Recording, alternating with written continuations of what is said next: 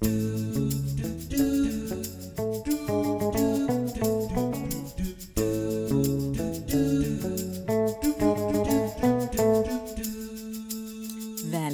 till Bokspanarna, en podd från biblioteken i Luleå.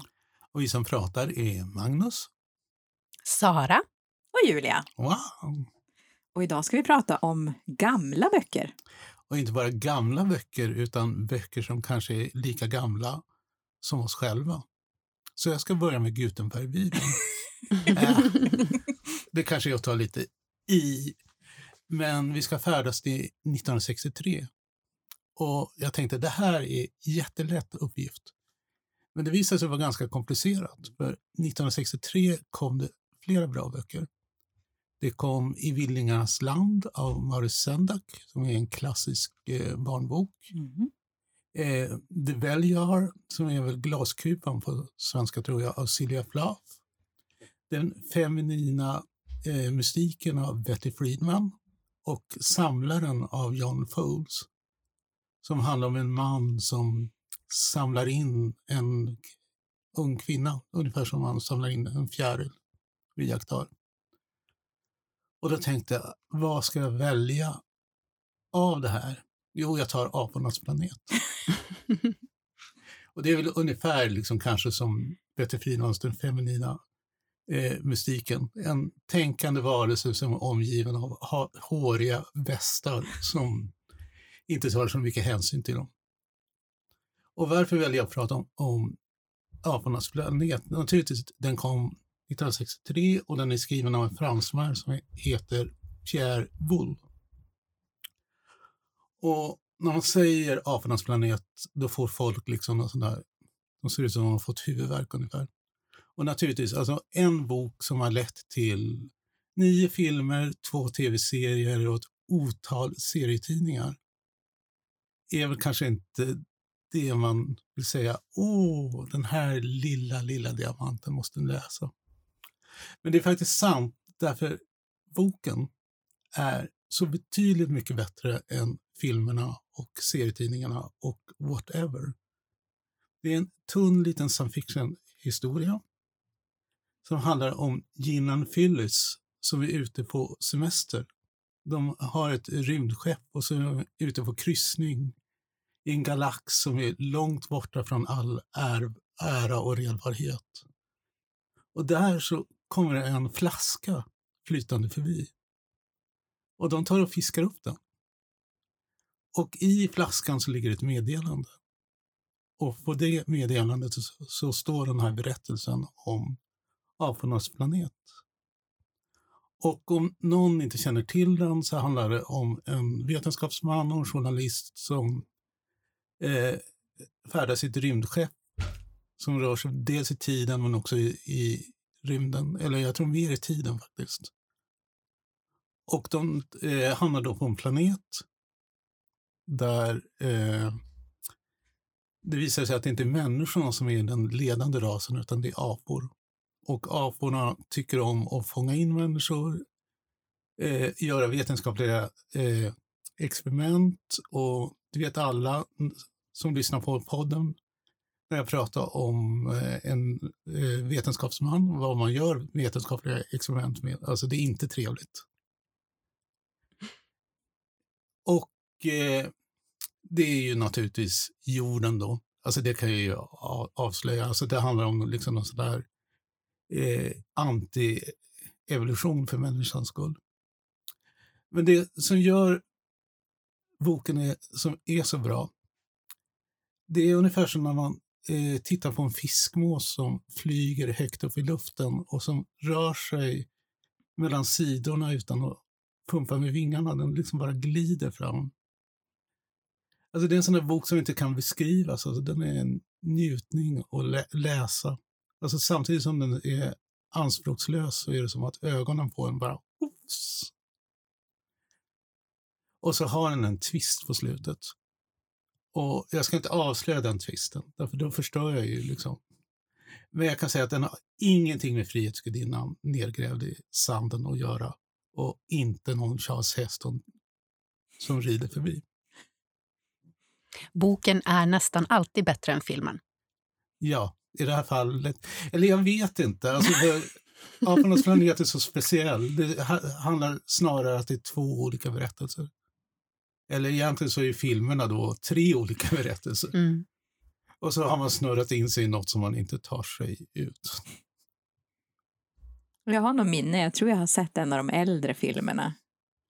Någon Eh, gång för länge sedan. Jag måste erkänna, jag vet inte om jag har sett en eller flera.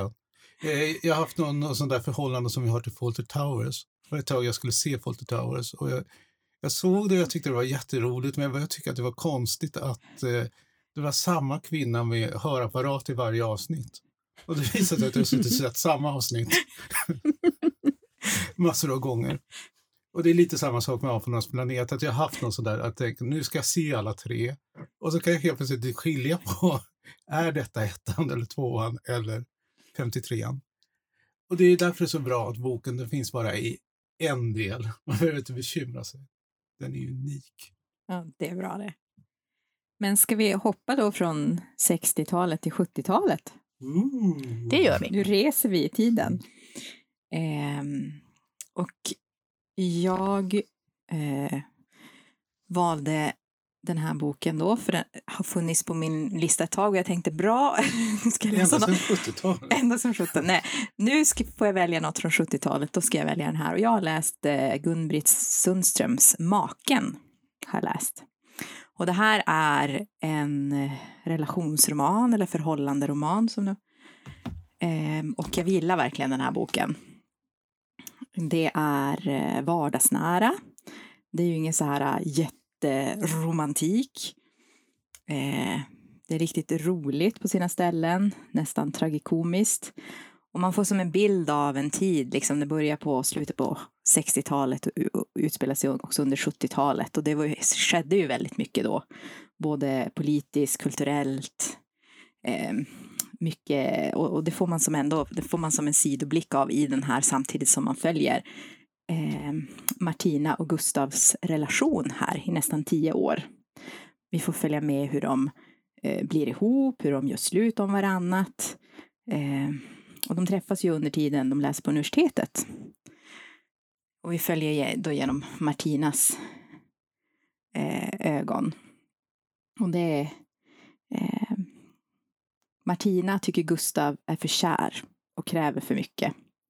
Och hon tycker han söker för mycket bekräftelse. Och hennes perfekta förhållande skulle vara med en sjöman. Ett distansförhållande som inte kräver så mycket. Eh, hon är ju- hon, eh, hon tycker inte, alltså hon drömmer inte om äktenskap som kanske många gjorde då. Eh, hon tycker resonemangsäktenskap måste ju vara det bästa. Man ska inte vara passionerat kär. Eh, Medan Gustav då tycker att hon är för vass. Alltså han vill ha intimitet som hon kanske inte kan ge honom. Men ändå, hon, hon är densamma genom hela boken, men det är som han som, han som förändras. Han, eh, men eh, trots de här skillnaderna i, jag vet inte hur man ska säga, kärleksspråk eller behov som de har, så kan de ändå inte sluta eh, träffas. Så fort de har varit isär ett tag är det som att de saknar varandra och så blir de ihop igen. Eh, och varför ska man gifta sig, står det på ett ställe också, så här, att man ångrar sig om man gifter sig och man ångrar sig om man inte gifter sig. Ehm, och eh, det var väldigt, eh, alltså man skulle tro att man blir väldigt irriterad och läsa om samma sak. Två personer som inte kan bestämma sig om de ska vara ihop eller inte. Att det låter ju som att det skulle kunna vara ganska trist. Ehm, men det är så fantastiskt skrivet. Alltså det dyker ju hela tiden upp nya saker eh, som håller intresset uppe. Alltså det finns ju ingen hjälte eller ingen som man kanske håller med mer än den andra eller man kanske ändrar synvinkel mellan dem. Men, men det är ju en roman där handlingen byggs upp kring, en, kring den här relationen där, de, där parterna, båda Martina och Gustav, har olika förväntningar och behov. Eh, Eh, det är ju som att kärlek som handlingar istället för känslor nästan är det. Man ska ticka det i. Att, man, att nästan att hon har tittat på det i boken. Alltså det, det är väldigt liksom som jag sa, vardagsnära. Det är ing, inget sån Mm. här fantastiska, att det spirar känslor i dem på något sätt, utan det är, det är att de pratar liksom vardagligt och ändå sig själva med, med varandra och visar sig, inte från sin bästa sida kanske, men ändå kan de inte låta bli liksom. Ehm, och, och det var ju säkert när den kom att det är ur den kvinnliga synvinkeln, att det är hon, det är hon som är den som är avvaktande och inte, och, och det är mannen som är den som jagar henne. För annars brukar det vara tvärtom, att det är någon stackars kvinna som vill ha en känslomässigt, eh, en man som inte är känslomässigt tillgänglig på något sätt, känns det som. Vilket år sa du att den kom, Julia? Eh, 1976. Det känns ju som, eh, inte kanske före sin, men är väldigt eh, klockrent att den kom då och Martina är som den karaktären är. Och Jo. Gustav är ju lite som kanske en kvinna hade varit. Ja, i- i alltså en det är annan- lite så. Det här svåra med att få en relation och vara över lång tid. Och vad, om, om någon är kär igen, vad är man skyldig den personen då om man har tackat ja och ta emot den kärleken på något sätt? Mm. Har, har man något ansvar och det, för den andra? Alltså det är intressant att läsa hur hon, hur hon bygger upp det där på över 500 sidor. Men man är verkligen eh, med. Och ska jag inte avslöja då hur det slutar. man får lov att läsa den. Men, men jag, förstår, jag förstår varför den har fått status som en kultbok. För det känns verkligen som att eh, alltså det är ju spännande att få följa med under liksom 70-talet och se, jag menar hans föräldrar när han vill ta med henne ut till stugan som de har, då är det först att de tycker att de borde ta med sig förkläde. Att de inte kan resa själva och hon tycker, men vad är det för 1800-talsfasoner? Att vad lever jag för liv? I jämförelse. Så det är verkligen stor skillnad på, tror jag, alltså generationsmässigt och beroende på var i samhället man befann sig. Alltså det var, det hände, alltså mycket skedde samtidigt. Eh, så att, nej, jag tyckte jättemycket om den. Så nu vill jag ju läsa mer såklart av Gun-Britt Sundström. Men var äktenskap eller förhållande sämre på 70-talet? Alltså när du pratar om det här så tänker jag på eh, Alven och Dotter till en dotter.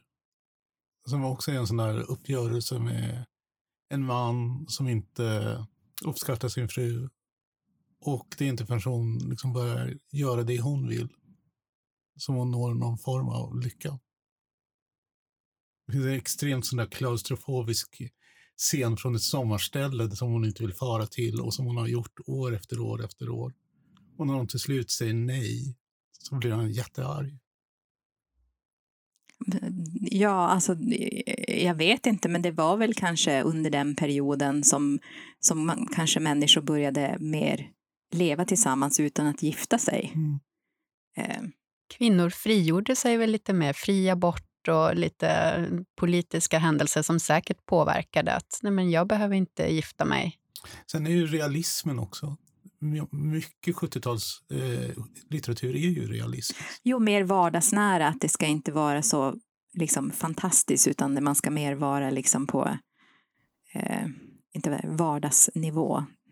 Det är inga liksom lyxkryssningar eller någon som är så passionerad så att de flyger till Buenos Aires eller någonting. Utan det ska vara mer liksom, eh, vem ska liksom gå ut med soporna? Eh, vilket det blir ju på 80-talet, alltså när det glider eh, in i de här extremt lyxiga flärdböckerna. Och Mm. håller du med om det? Ehm, nej, jag förstår tanken och eh, jag som då är född på 80-talet kände att jag är ju född fel när jag skulle välja en 80-talsbok. Så Ingen jag, Jacqueline Collins. Eller? så jag förflyttade mig till en helt annan del av världen för att frigöra mig lite och jämföra med tid och vad som hände. Jag kände att det här med neonfärger och liknande, det var inte min grej. Så jag tog tillfället i akt att... Eurodisco säger jag bara. Euro, usch, säger jag bara.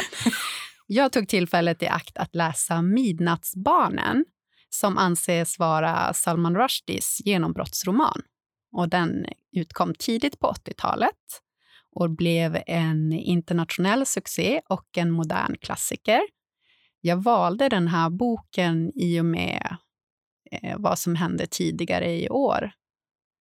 Eh, Salman Rushdie mm, ja, det sattes helt enkelt ett pris på hans huvud redan eh, det var i slutet av 80-talet, tror jag, i revolutionens Iran.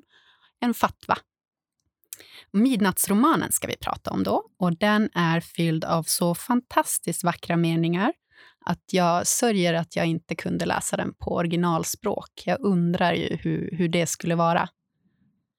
Um, det är en slags liksom, myllrande känsla.